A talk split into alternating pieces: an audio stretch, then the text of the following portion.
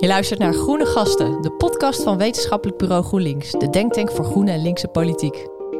Elke zes weken voeren wij een gesprek met denkers en doeners die Nederland en de wereld eerlijker en duurzamer maken. Mijn naam is Suzanne van de Einde. En ik ben Evert Nieuwenhuis.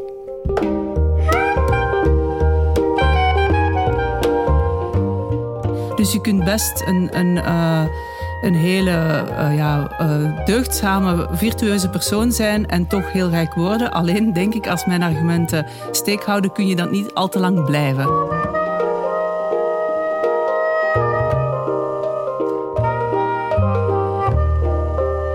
Extreme rijkdom is ten diepste immoreel. Het is dan ook volkomen terecht dat de roep om hogere belastingen voor de allerrijkste steeds luider klinkt.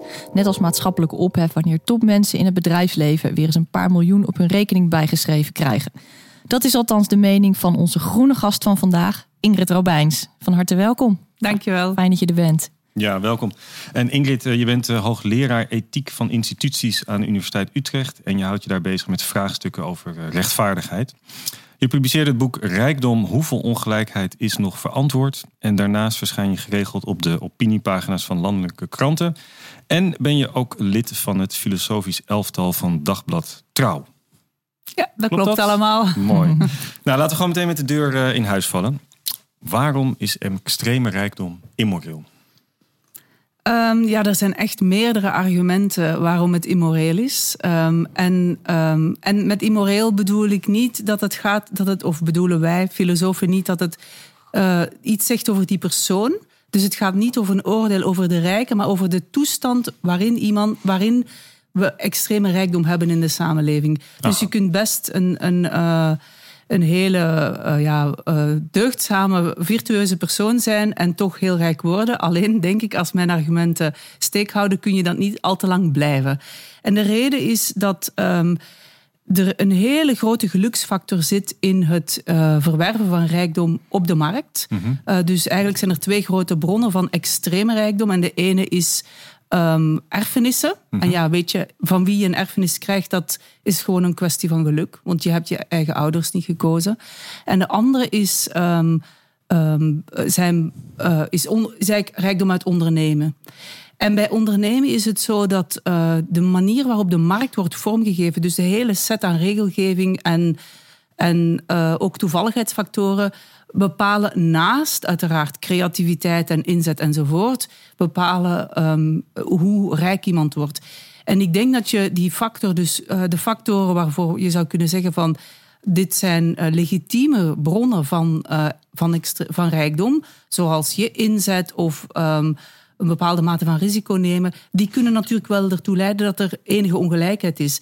Dus ik denk, uh, in tegenstelling tot sommige andere uh, filosofen, dat enige mate van ongelijkheid wel uh, gerechtvaardigd kan mm -hmm. zijn, maar dat daar een grens aan zit. Mm -hmm. En dat is eigenlijk dat is hoe rijkdom ontstaat. Maar er zijn de andere argumenten gaan over um, het feit dat op een bepaald moment kan je en dat is dus eigenlijk boven de rijkdomsgrens, wanneer je echt over extreme rijkdom praat, kan je met die rijkdom niks anders meer doen behalve um, activiteiten die nog tot meer rijkdom leiden, dus accumulatie, of um, uitgaven aan uh, frivoliteiten of uh, luxe uitgaven.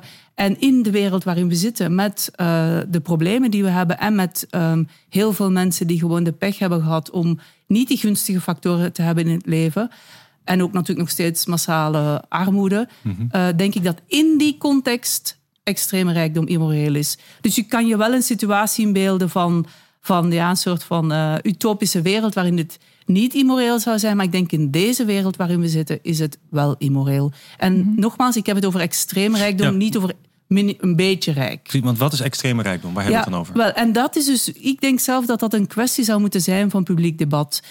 Eén definitie is als um, je niks meer kan doen met bijkomend vermogen. Ja, eigenlijk kun je inkomen is natuurlijk een flow en vermogen is een stok, maar je kan vermogen is doorgaans dat waar, waar mensen die extreem rijk zijn um, een grotere, ja, waar, de, waar eigenlijk die rijkdom geaccumuleerd is. Als je op, op een bepaald moment je vermogen zo groot is dat je kwaliteit van leven niet meer beter kan worden. Dus stel je, je zit in, in je, je woont ergens in een klein flatje ehm, en je hebt geen tuin. Op dat moment kun je door een grotere woning te kunnen kopen met bijvoorbeeld een tuin, verbetert je kwaliteit van leven. Dus dan, dan als je dan iets rijker wordt, waardoor je die, dat huis met die tuin kan kopen, dan zie je echt een verbetering van je kwaliteit van leven. Maar op een bepaald moment ehm, hebben mensen zoveel vermogen dat het ook een soort van. Dan wordt het een, een spel met cijfers en ehm, het maakt ook niets meer uit voor hun kwaliteit van leven. Of ze gaan, eh, ja, inderdaad, de verhalen die je dan soms uh, leest van um, een, een, een villa met um, tien badkamers en, en dertig slaapkamers. Dus het wordt een soort van grenzeloos. Grenzeloos is eigenlijk mm -hmm. het, het, het, juiste woord dat erbij hoort. Mm -hmm. En uh, dat is in ieder geval, denk ik, dus die rijkdomsgrens, wanneer voegt bijkomend geld niks meer toe aan je kwaliteit van leven, dat zou een manier zijn om die grens te trekken. Maar een bedrag zou je niet willen noemen? Wel, um, ik denk dus dat, um, dat het een kwestie is van, van publieke discussie. Want je zou ook kunnen zeggen, die grens zou op een ander niveau moeten. Bijvoorbeeld daar waarin je meer politieke invloed krijgt dan anderen. Dat, is een, dat zou een andere grens kunnen zijn. Nu heb ik samen met uh, mijn collega's van economische sociologie heb ik onderzoek gedaan naar waar leggen um, Nederlanders die grens.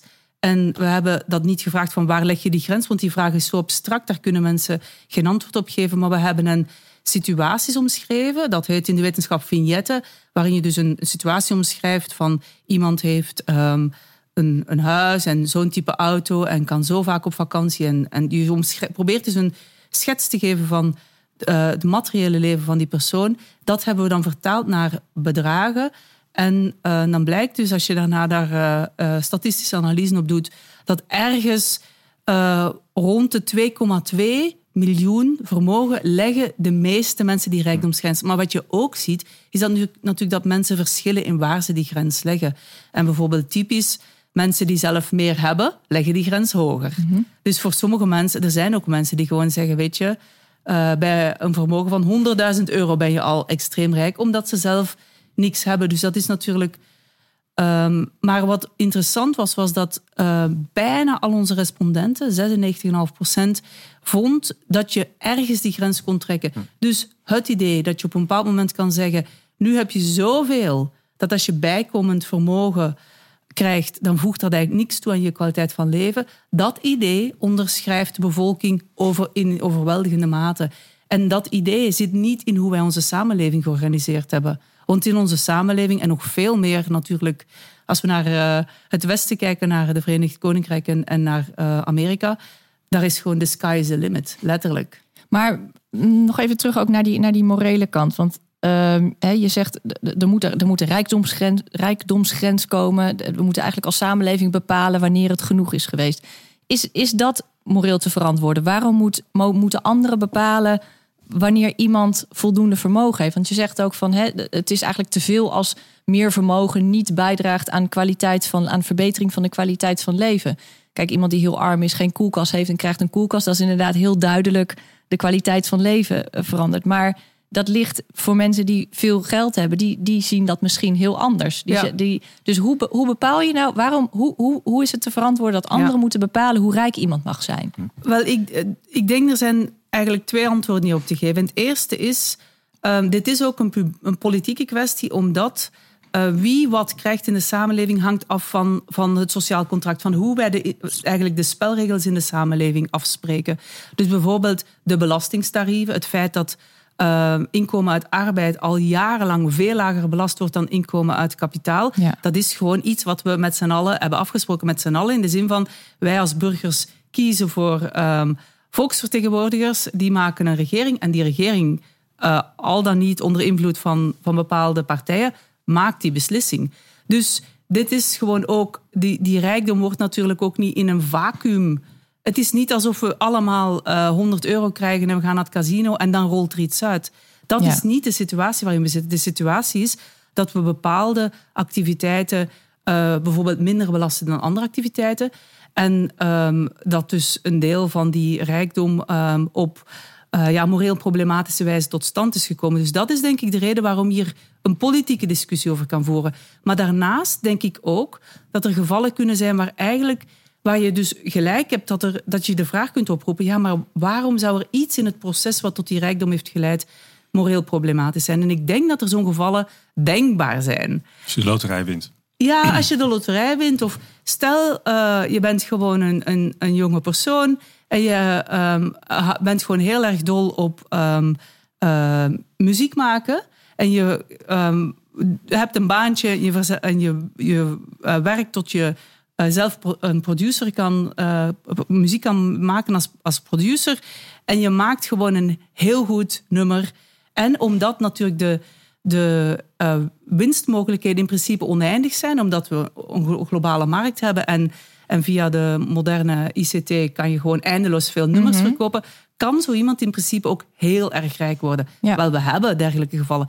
Daarvan zou je kunnen zeggen, ja, waarom zou dat moreel problematisch moeten zijn? En ik denk dat er inderdaad daar geen argument is waarom het moreel problematisch is in hoe die rijkdom ontstaat. Nee. Maar dan nog, als je dus dan het geluksargument meeneemt, mm -hmm. dat er dus eigenlijk uh, altijd een hele grote mate van geluk is en mm -hmm. dat sommige mensen heel veel pech hebben in hun leven en andere mensen geluk, mm -hmm. dan ontstaat er een moreel argument, geen politiek argument, maar een moreel argument waarbij je eigenlijk zou kunnen zeggen, uh, noblesse oblige, als je geluk hebt gehad in je leven, um, dan heb je een soort van morele, ethische uh, is er een moreel-ethisch appel op jou om daar iets mee te doen. Mm -hmm. Dat is iets anders dan een politieke plicht. Ja. Dus ik denk die, die rijkdomsgrens zit eigenlijk ook op twee domeinen. Het ene is het meer politieke domein, het andere is het meer het domein van ja, wat, wat zijn morele appels die we op elkaar zouden kunnen doen. Mm -hmm. Maar want, uh, want je, zegt, je schrijft inderdaad ook in je boek de visie dat wie iets op de markt verdiend heeft, dat, dat diegene dat ook moreel gezien verdiend heeft, daar heb je problemen mee. Um, maar die, die geluksfactor, dat geldt ook bijvoorbeeld voor intelligentie of heel erg goed zijn in sport. Is, is hoge intelligentie of uh, een, een, een topvoetballer zijn, uh, is dat dan, is dat dan ook, zit daar dan ook diezelfde immorele kant aan? Ja, ik denk dat die geluksfactor echt um, heel, um, heel veel bepaalt in ons leven en dat we daar doorgaans niet te hard over willen nadenken, omdat we de samenleving niet zo hebben ingericht.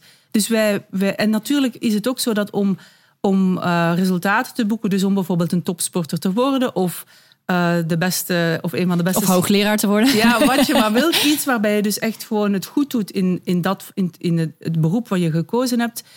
Uh, heb je natuurlijk altijd een combinatie nodig van heel veel inspanning en, en mm -hmm. die talenten. Ja. Maar die talenten zijn een kwestie van geluk, net zoals de ouders bij wie je geboren wordt. Hm. En de ouders bij wie je geboren wordt, het land waar je geboren wordt, het tijdsmoment waarin je geboren wordt, bepaalt heel veel.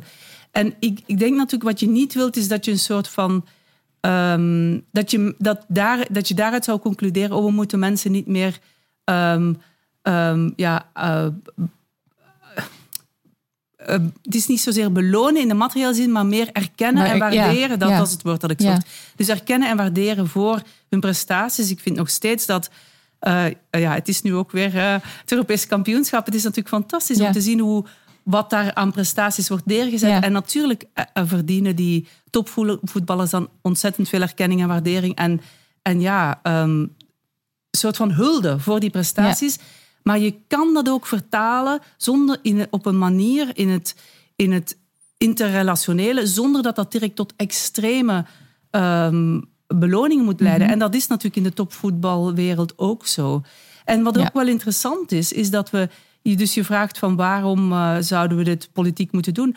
Maar we hebben natuurlijk bijvoorbeeld in de, in de publieke sector hebben we de wet normering topinkomens. Dus dat is een voorbeeld van waar we dus besloten hebben, in die context is er een grens. Ja. Ja, ja, maar waar, ja. ja. die grens die is natuurlijk toch ook lastig. Hè? Want ik verdien modaal. Nou, denk ik, nou, kan, kan niks eh, moreels eh, fout meer zijn, om het zo maar te zeggen.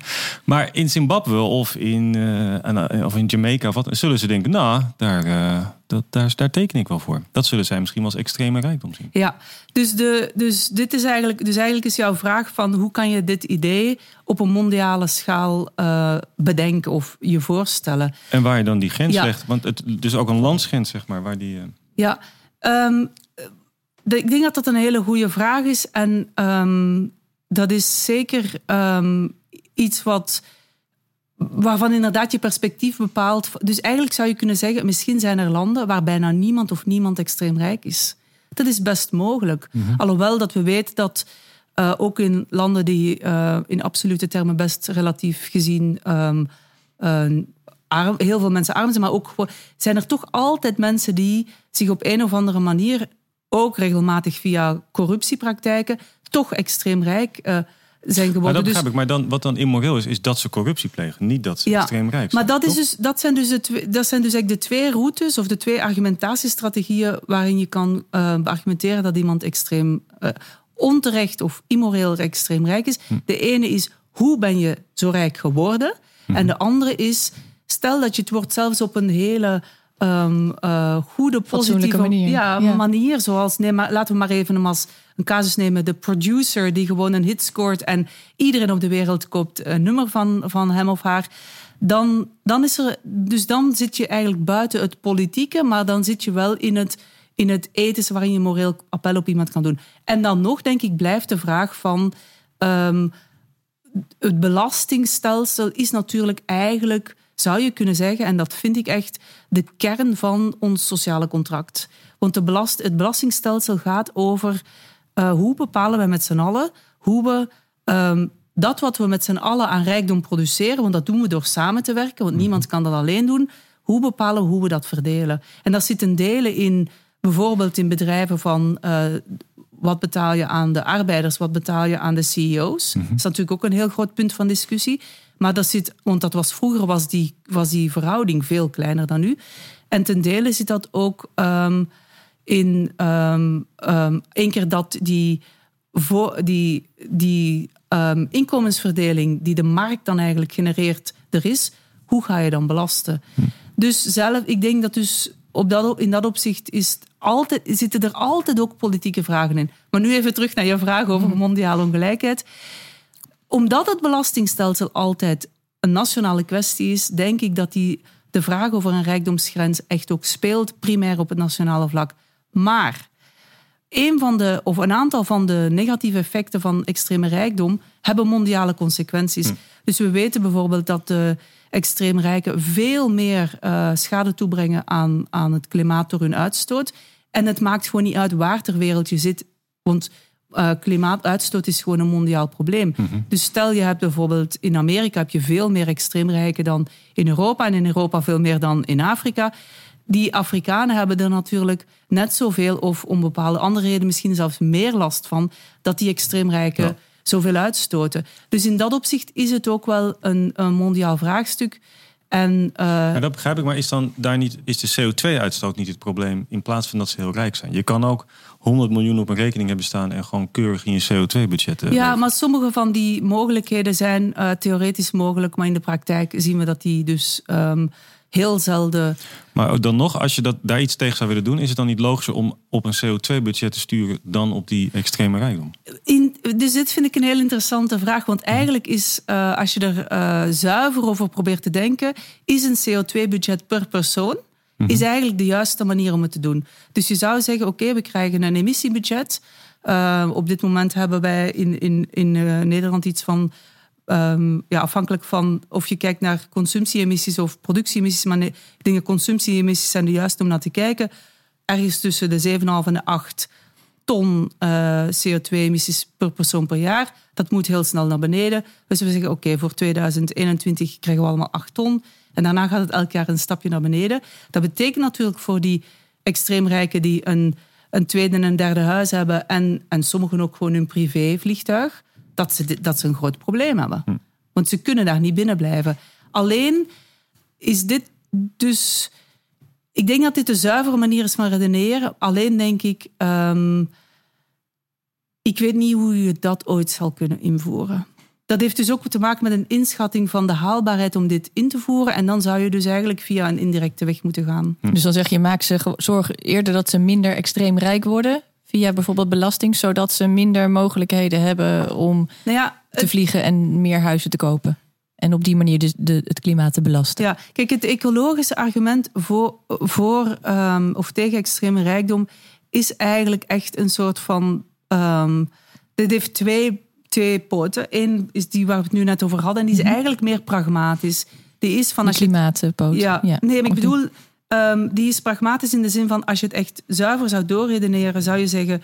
ga gewoon uitstoot en, maar- en ook andere vormen van vervuiling echt eh ja, rantsoeneren, Ja, is dat dan ja. eigenlijk. Dus iedereen krijgt gewoon, eh, omdat je een mens bent met bepaalde behoeftes, krijg je gewoon een, bepaalde, een bepaald budget. Ja, Alleen, kijk, als, als wij, en dat zou interessant zijn om hier een gesprek over te voeren, als wij denken dat dat een haalbare eh, institutionele eh, implementatie zou kennen, dan zou dat de beste manier zijn. Alleen omdat we dat helemaal niet in onze, in onze ehm, ja, instrumenten. ja eh, instrumentarium. ja, denken we dan van oké, dan moet je op een indirecte manier gaan. Ja. Maar er is nog een tweede reden om waarop je ehm, het klimaatvraagstuk ehm, en het vervuilingsvraagstuk met het rijkdomsvraagstuk kunt in verband brengen. En dat is als wij de mensen die extreem rijk zijn geworden ehm, hadden laten betalen voor de milieuschade die ze hadden,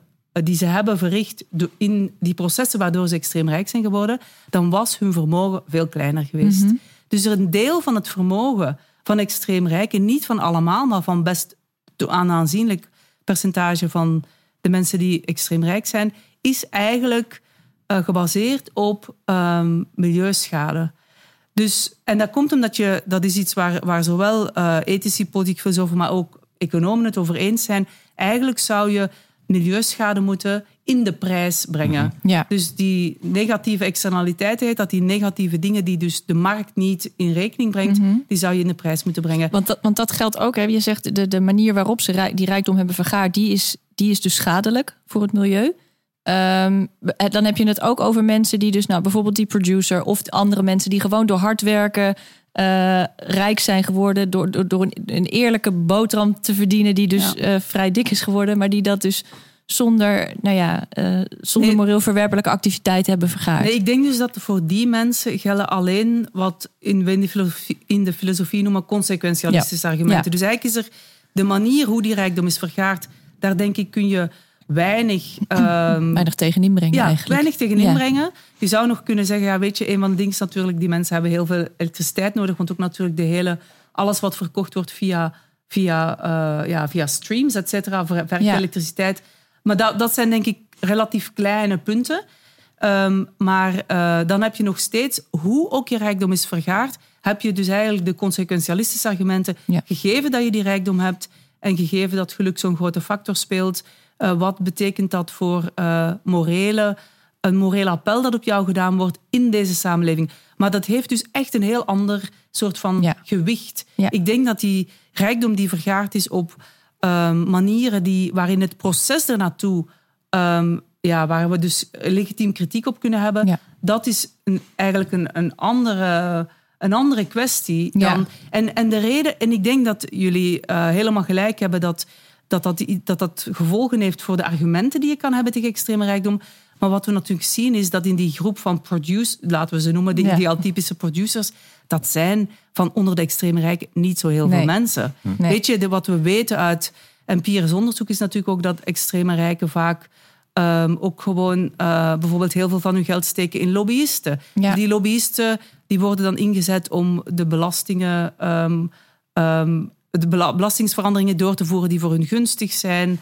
Ja. En, en zo kan je dus een, Maar goed, ondernemers, eh, Ja. mensen in het. Ja, ja. Maar ja, dus ik denk dat. ehm, dat dat dus. eh, dus, de, dus je kunt bepaalde casussen hebben die in theorie. ehm, ehm, eigenlijk de politieke angel uit morele rijkdom halen. Ja. Maar de vraag is: van alle extreem rijke mensen, hoeveel zitten in, in die categorie? categorie, ja. En hoeveel zitten in een categorie waar eh, ofwel geluk een enorm grote factor speelde, of ehm, ja, dat de, de afspraken in de markt gewoon voor hen gewoon gunstig waren Ja. en het ook anders had kunnen zijn. En je ook kan zeggen, het had anders kunnen zijn. Want natuurlijk de, de manier hoe dat de samenleving eh, het voor kapitaal, kapitaal als productiefactor Ja. gemakkelijker maakt dan voor arbeid, Ja. dat is natuurlijk iets waar we al decennia mee zitten. Ja, ja, maar dat wordt van, zeker vanuit rechts-Nederland natuurlijk al snel het jaloezie-argument eh, genoemd. Hè? De belastingen Ja, maar van dat nou, is een- iemand die meer geluk heeft, die, waarom mag iemand niet gewoon geluk hebben in het leven? Maar dat is een, dat is een, eh, een eh, manier om het debat te stoppen.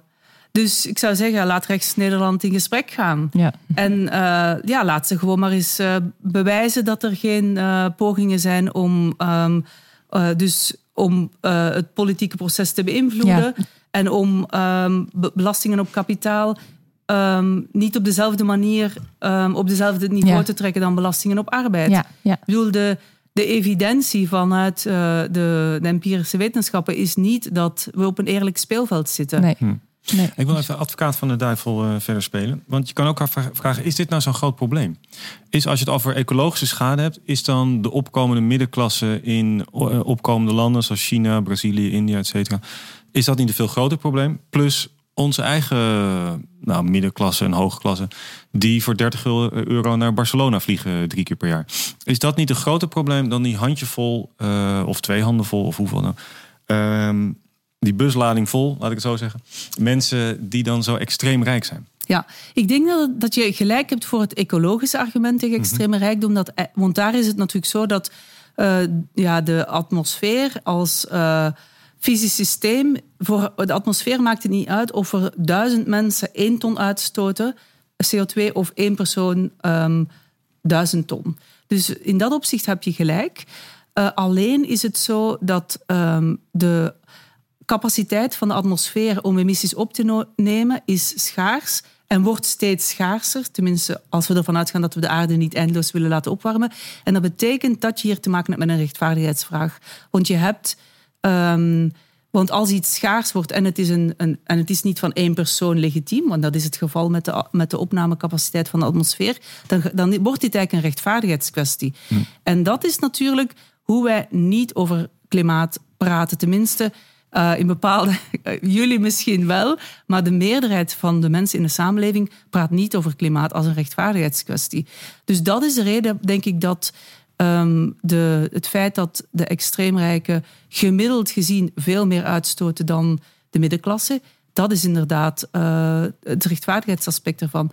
Maar als je nu de vraag stelt, wat moeten we doen om het klimaatprobleem op te lossen, mm -hmm. dan is zeker niet de nummer één of twee of drie uh, meest effectieve maatregel um, een rijkdomsgrens instellen. Ja, dus dat is niet het belangrijkste argument. Nee, de, ik denk dat de belangrijkere argumenten, uh, tenminste hoe ik het zelf zie, is dat de belangrijkere argumenten voor om uh, te pleiten om, om het over een rijkdomsgrens te hebben of over grenzen aan rijkdom en niet alleen te hebben over armoede, hebben te maken met, um, ik denk een soort van wacht, ik zal eerst met iets anders. Het heeft te maken met democratische aspecten.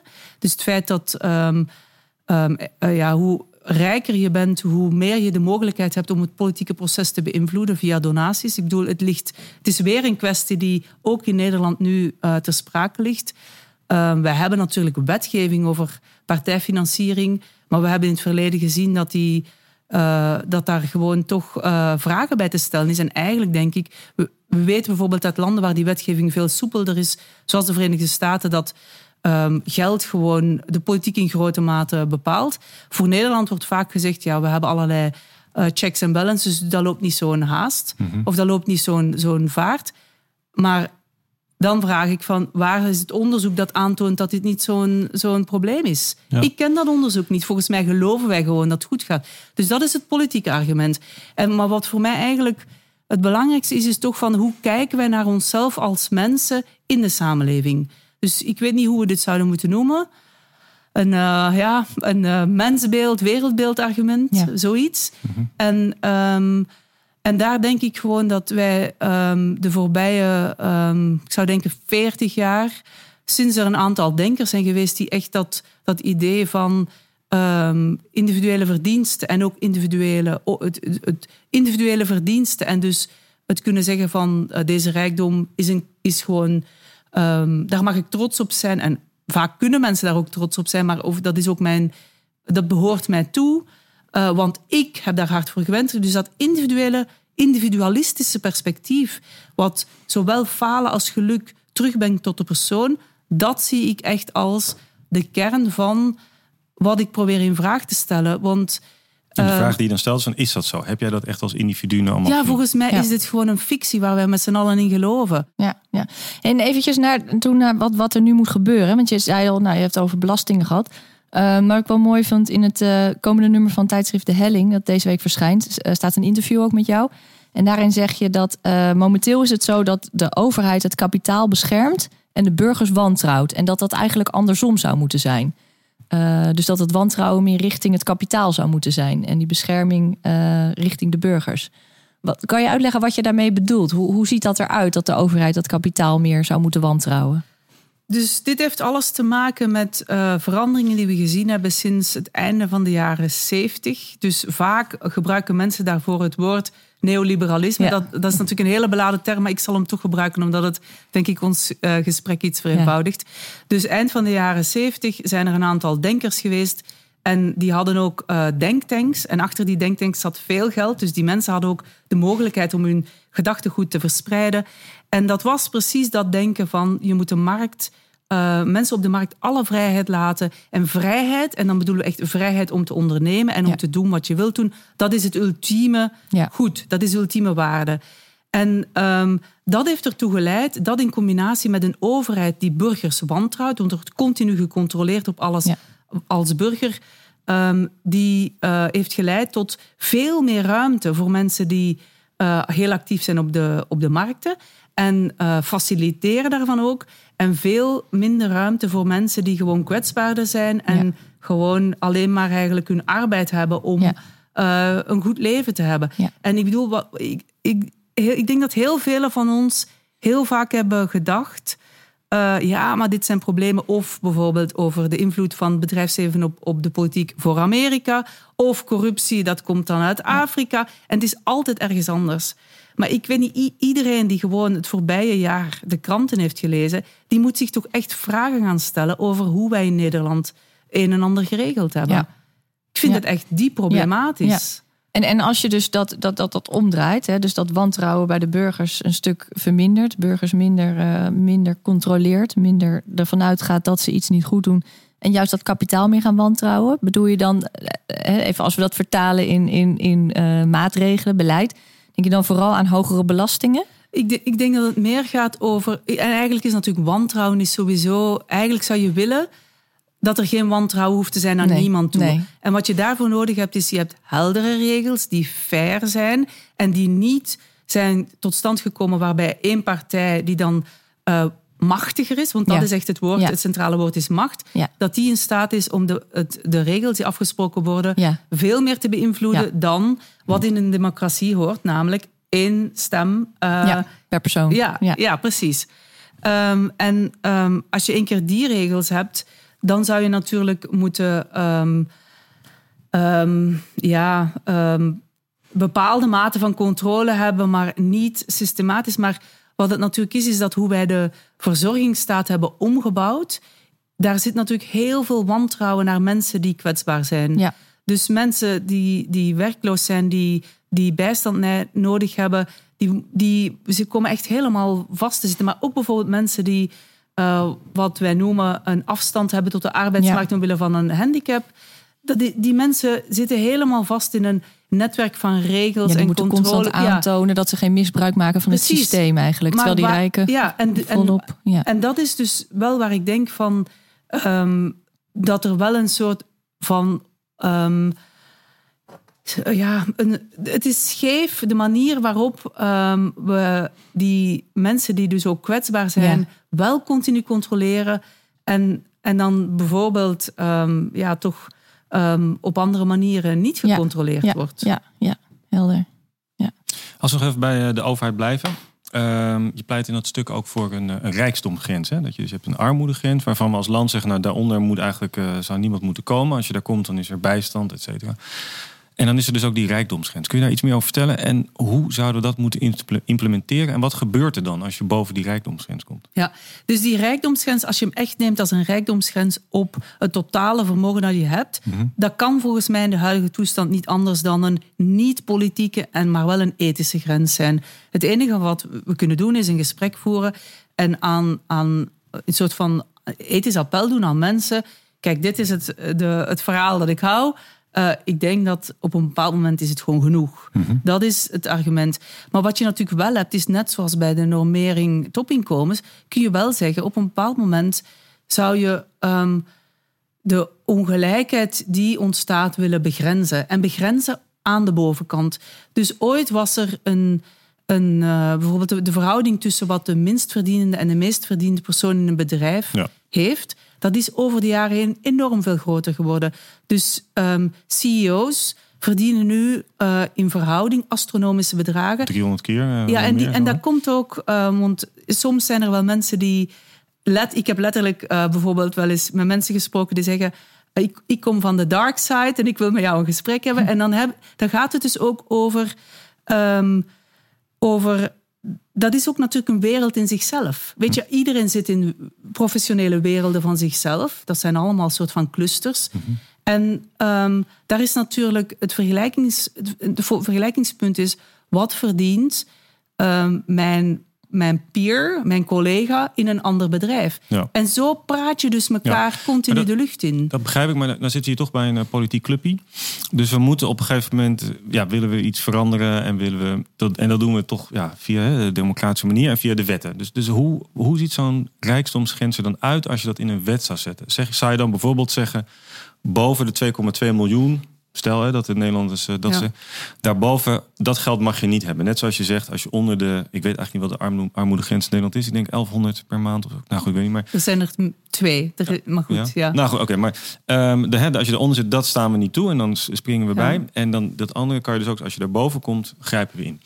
En hoe, hoe, hoe gaat dat? Ja, ik denk dat het dus. Of wil je het niet zo concreet? Ja, nee, het, het werkt eerder als een. Um, ik denk dat het idee van een rijkdomsgrens echt bedoeld is om onze, um, onze politieke verbeelding te destabiliseren. Dus ik denk, er gaat niet een rijkdomsgrens komen. Uh, waarbij. het is een gedachte-experiment. Nou, meer dan een gedachte-experiment. Meer iets van.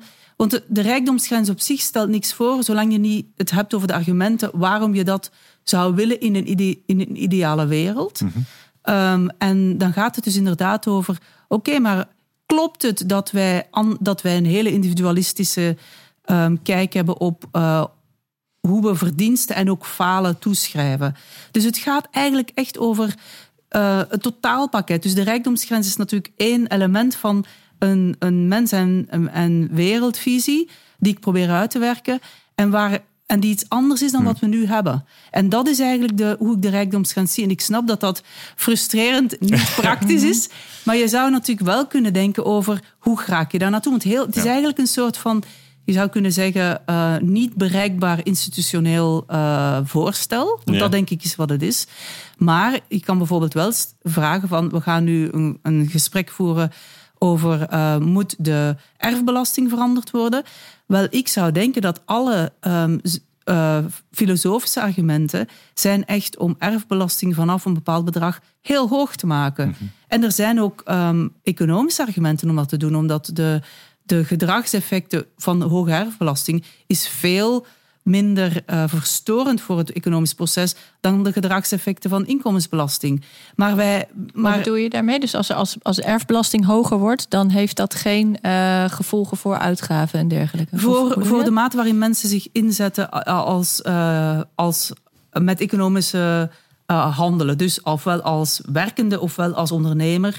Ja. Um, en we hebben natuurlijk, en heel vaak is het ook zo dat, je, dat het echt belangrijk is om in de details van de praktijk te duiken. Want wat wij ook, waar wij heel goed in zijn, is sluiproutes faciliteren. Hm. En dat geldt zowel uh, in Nederland. Dus je krijgt dan het, het, uh, het feit dat een, uh, mensen die dan voldoende rijk zijn, die weten de weg naar de notaris te vinden en die zetten hun vermogen, zet, maar dan maken ze gewoon een, een BV van ja. of wat dan ook. Of wat van de week in het nieuws was over die, die superrijken in de VS, die, die eigenlijk helemaal geen inkomstenbelasting hoefden te betalen. Ja, precies. Ja. En, dus, en internationaal is het ook zo.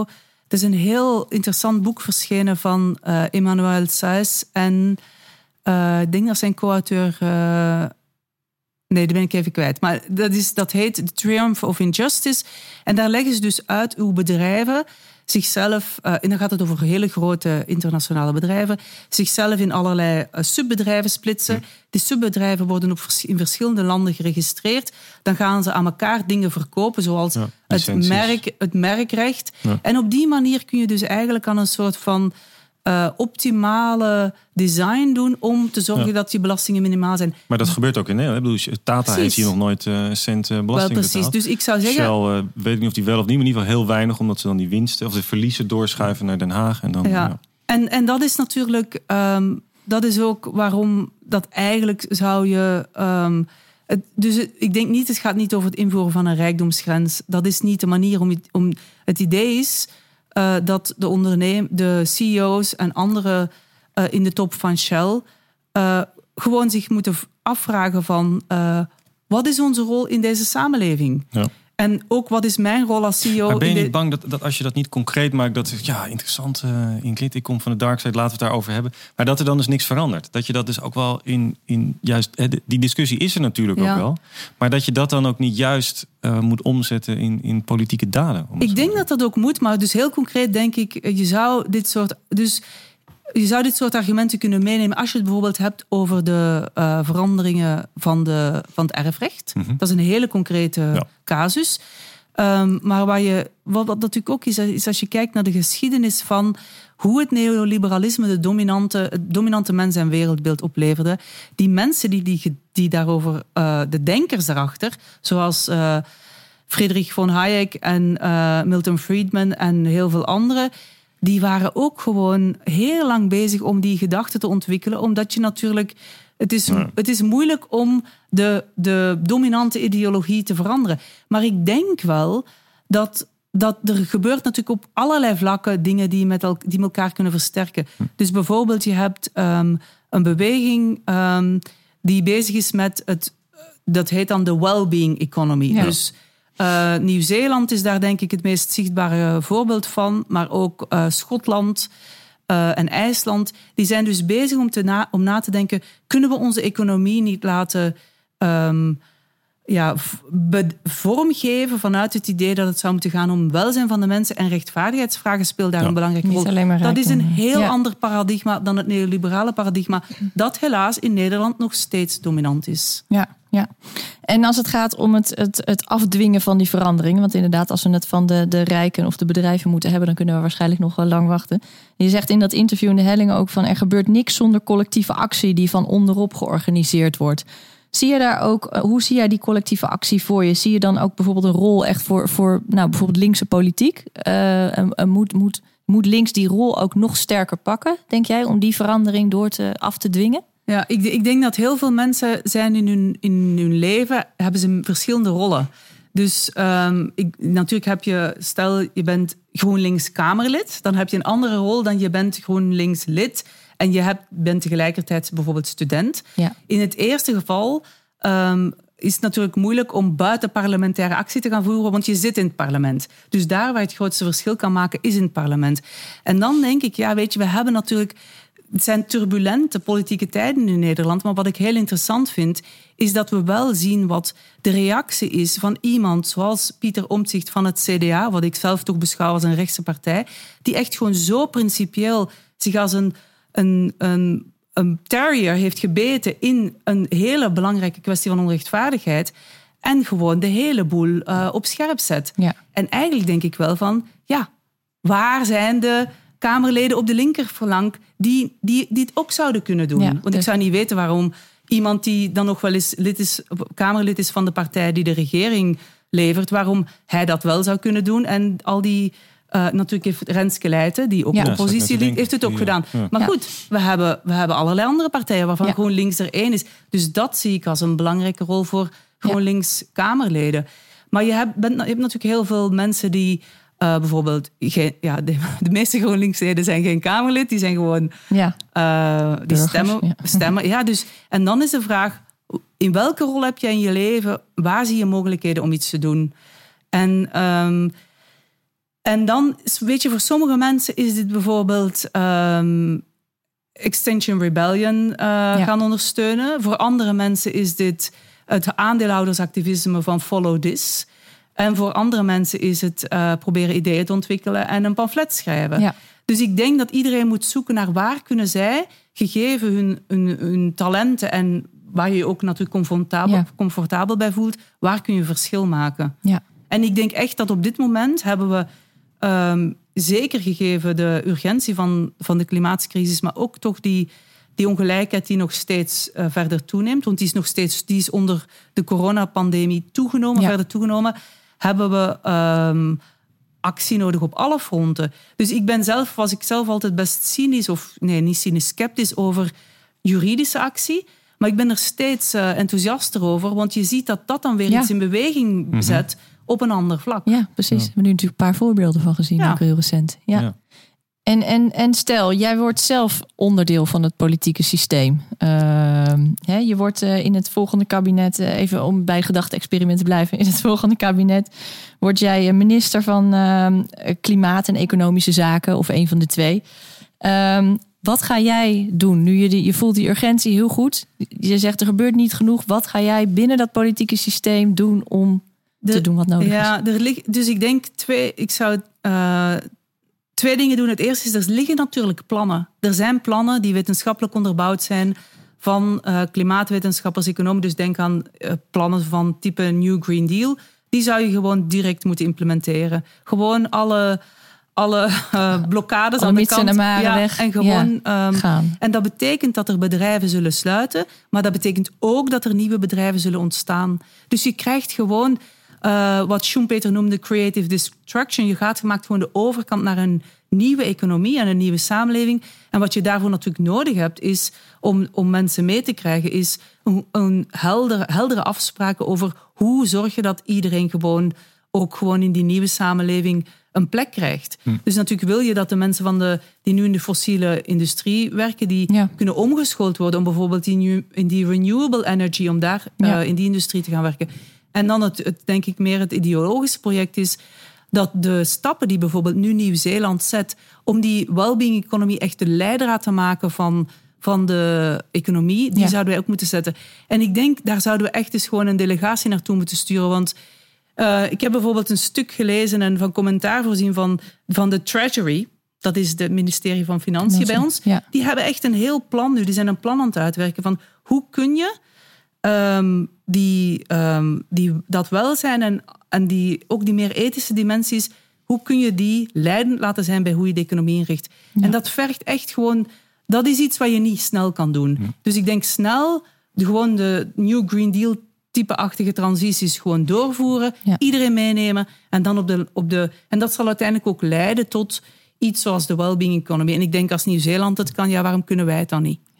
Ja. Maar en, en die rijkdomsgrens, daar een discussie over, nationaal? Of, of Die- ga je nog iets aan die, aan die, die extreme rijkdom doen? Ja, ik denk dat die, ehm, die well-being economy, omdat daar Dat waarden zoals rechtvaardigheid en, en ehm, dan ga, dat, dat gaat er eigenlijk onderdeel van uit zijn. Maar die rijkdomsgrens zou inderdaad, zoals we daar straks bes- bespraken, dat is niet iets dat je van bovenop oplegt als, en, nu eh, wordt je het geconfiskeerd. Maar wel, je, vormt, je hervormt de instituties zodanig en ook de cultuur en ook mens- en wereldbeelden, dat gewoon we eigenlijk ehm, net zoals in het verleden, dat we die extreme rijkdom niet hadden. Want die, dat hebben we eigenlijk helemaal niet benoemd. Maar we zitten, hebben natuurlijk, natuurlijk nu veel grotere ehm, financiële ongelijkheid dan we bijvoorbeeld in de jaren 60 en 70 hadden. Het kan gewoon prima. In de jaren vlak na de Wereldoorlog was in Amerika er een wetsvoorstel om de hoogste marginale belasting op 100% te zetten. Ja, maar hij Wij- was ook 97 ja, toch? Vlak wij denken nu, dit is waanzinnig. Nee, dit, Ja. maar waarom denken wij dat dit waanzinnig is? Omdat ons mens- en wereldbeeld en ons maatschappijbeeld zo veranderd is. Dus vandaar denk ik, dat is eigenlijk ook het werk dat moet gebeuren om daarover politieke en maatschappelijke gesprekken te voeren. Ja. Ja. Nou, we hopen Ja. dat deze Ja. podcast eh daaraan aan bijgedragen bijgedragen heeft. Ja. Ingrid, heel hartelijk dank voor je komst. Heel fijn dat je er was. En jij luisteraar, bedankt dat je luisterde. Eh, vergeet ook niet je te abonneren op deze podcast en een review achter te laten om ons eh, scherp te houden. Ehm, op wbgl.nl slash podcast vind je het interview met Ingrid Robijns voor tijdschrift De Helling en ook het stuk dat ze eerder schreef naar aanleiding van haar boek. En wij zijn er weer eh, over een paar weken. Graag tot dan en dankjewel. Dank je. Dag.